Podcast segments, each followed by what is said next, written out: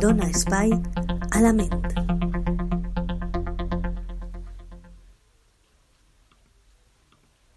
Hola a tots i totes, benvinguts una setmana més a Dona Espai a la Ment. No sé si vos recordeu que farà algun temps vos vaig parlar de l'ansietat, dels diferents tipus d'ansietat que havien, però avui eh, m'apeteix parlar-vos d'una en concret i aquesta és l'ansietat social. L'ansietat social és l'ansietat, és a dir, incomoditat emocional, por, angoixa, temor, tensió, aprensió, preocupació, que sent una persona en diverses situacions socials on interactua amb els altres i on pot ser potencialment avaluat, examinat o jutjat per la resta de persones. La diferència entre l'ansietat social i l'ansietat normal és que la primera implica una sensació de por relativament intensa en situacions socials, major respecte a l'ansietat normal i menor respecte al trastorn de l'ansietat social. És a dir, tenim l'ansietat, l'ansietat social i el trastorn d'ansietat social. La persona amb ansietat social eh, especialment sol, eh, sol tindre una sensació de por en les situacions que no li són familiars o en les que el subjecte es sent o pensa que pot ser avaluat per les altres. Es parla de que aquesta ansietat social es converteix en una fòbia quan la intensitat en la qual s'experimenta esta determinada por enfront de diversos perills és injustificat, inoportú, desmesurat, eh, interfereix sobretot en la vida normal, reduint la capacitat d'acció i de comoditat. És a dir, podem dir que aquesta ansietat social es, es converteix en una fòbia quan ens impedeix realitzar la, la nostra vida quotidiana, quan deixem de d'eixir amb els amics o d'anar a un bar per el simple fet de que pensem que anem a, anem a passar-ho mal i que anem a, ten, a tindre por d'aquesta situació. Els elements més importants de la fòbia social són preocupació per convertir-se en el centre d'atenció, temor a ser observat o menjar i beure en públic, temor a dirigir-se al públic en general o fins i tot parlar amb amics. Estaríem parlant en aquest cas d'una fòbia molt forta, en un, en un alt greu de, de perjudici.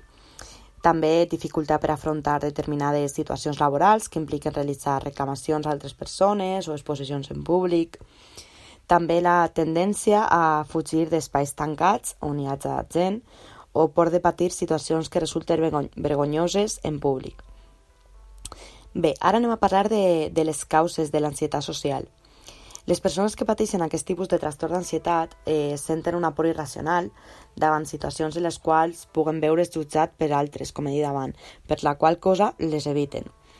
Aquesta problemàtica pot començar en l'època de l'adolescència i les causes d'això se solen reduir i no implica això que siga sempre eh, canyeta peixet, però pot, pot ser que siga per la convivència amb pares sobreprotectors, oportunitats socials limitades, és a dir, quan una persona o quan un xiquet en l'època de l'adolescència es basa d'anar a l'escola a casa i no té més relació que ella, més que amb els seus pares.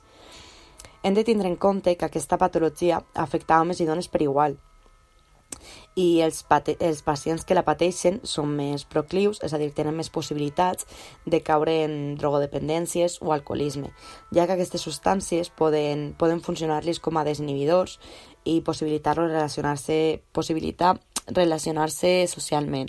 És a dir, moltes vegades hem escoltat que una persona quan és amb els seus amics veu perquè el fa desinhibir-se, el, feu, el fa xerrar, és, esta és una de les propietats que té l'alcohol que ens desinhibís completament i és una de les excuses que, que solem posar la gent que té ansietat social.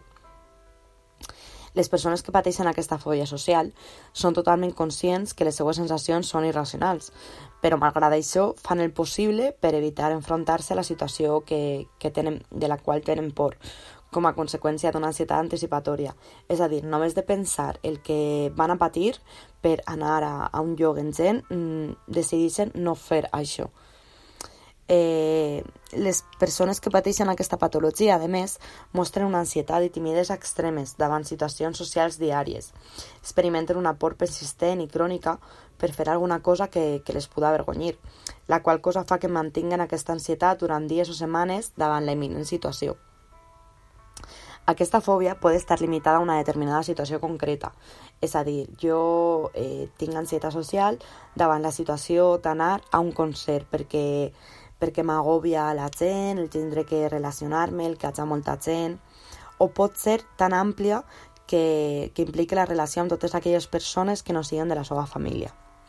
Des de les manifestacions físiques que, que aquestes persones pateixen, poden trobar eh, ruboritzar-se constantment i sentir sequetada en la boca, dificultat a l'hora de parlar, sudoració profusa, tremolors i palpitacions, falta de concentració, que ens fa oblidar dades que, que volien expressar, o desorganitzar el, el, el curs del pensament.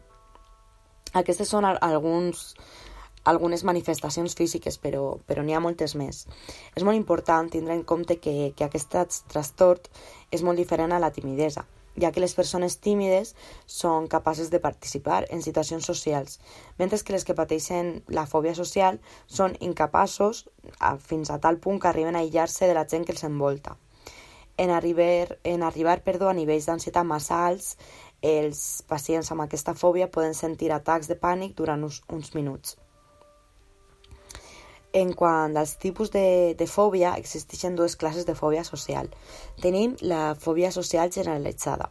Es refereix eh, a aquella que experimenta el pacient en la majoria de les seues relacions socials que inclouen una certa interacció amb més persones. La fòbia social específica, per la seva part, és aquella que es desenvolupa quan les, les situacions d'ansietat eh, només es donen en determinats moments, com per exemple parlar en públic o tener, tindre por de ser observat eh, mentre es menja. Per al diagnòstic d'aquesta patologia, és necessari que el pacient descriga els seus símptomes a l'especialista, a partir dels quals l'especialista podrà determinar si pateix fòbia social o no.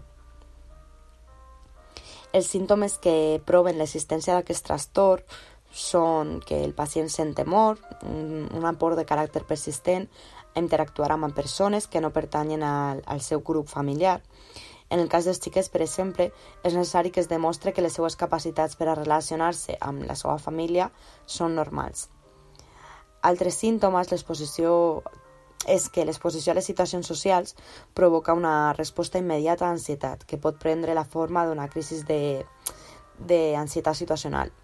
En el cas dels xiquets, per exemple, l'ansietat es traduiria en, en plors, en berrinxes, en inhibició, que en siguen retra retraiguts. A més, el pacient reconeix que el seu temor és excessiu i irracional, eh, però, per exemple, en els xiquets no, no existeix esta, este reconeixement. L'evitació, l'anticipació o el malestar davant d'aquestes situacions interfereix en el, en el normal funcionament de, de la vida d'aquestes persones. En els individus menors de 18 anys, la duració del quadre sintomàtic ha de durar com a mínim 6 mesos, que és el que ens diu el, el DSM, que és el, el llibre que s'utilitza a psicologia i psiquiatria per a classificar trastorns i definir-los hem de tindre en compte que la por i el comportament d'evitació no ha de ser resultat de, del consum de substàncies com drogues, fàrmacs o malaltia mèdica.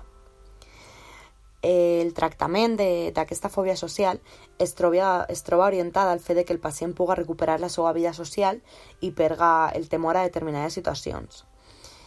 Eh, normalment, eh, el primer pas és acudir a un especialista, al metge, a un psicòleg, i depenent com aquests valoren la situació ens remitiran a teràpia, que seria la teràpia cognitiva conductista, que el que fa és ajudar-nos a entendre i a canviar els pensaments que estan produint aquesta sintomatologia, a més de reemplaçar-los per uns altres que no, que no provoquen aquesta ansietat. Eh, també altra opció és eh, la medicació, però com a recomanació meua personal us, us dic que si patiu aquest tipus d'ansietat social, que el primer pas és anar a un especialista, siga bé el metge de capçalera o un psicòleg directament, i que vos recomanen que seria el més adequat per a vosaltres. Espero que us hagi resultat interessant aquesta, aquest nou tema i ens veiem la propera setmana. Gràcies per estar ahí.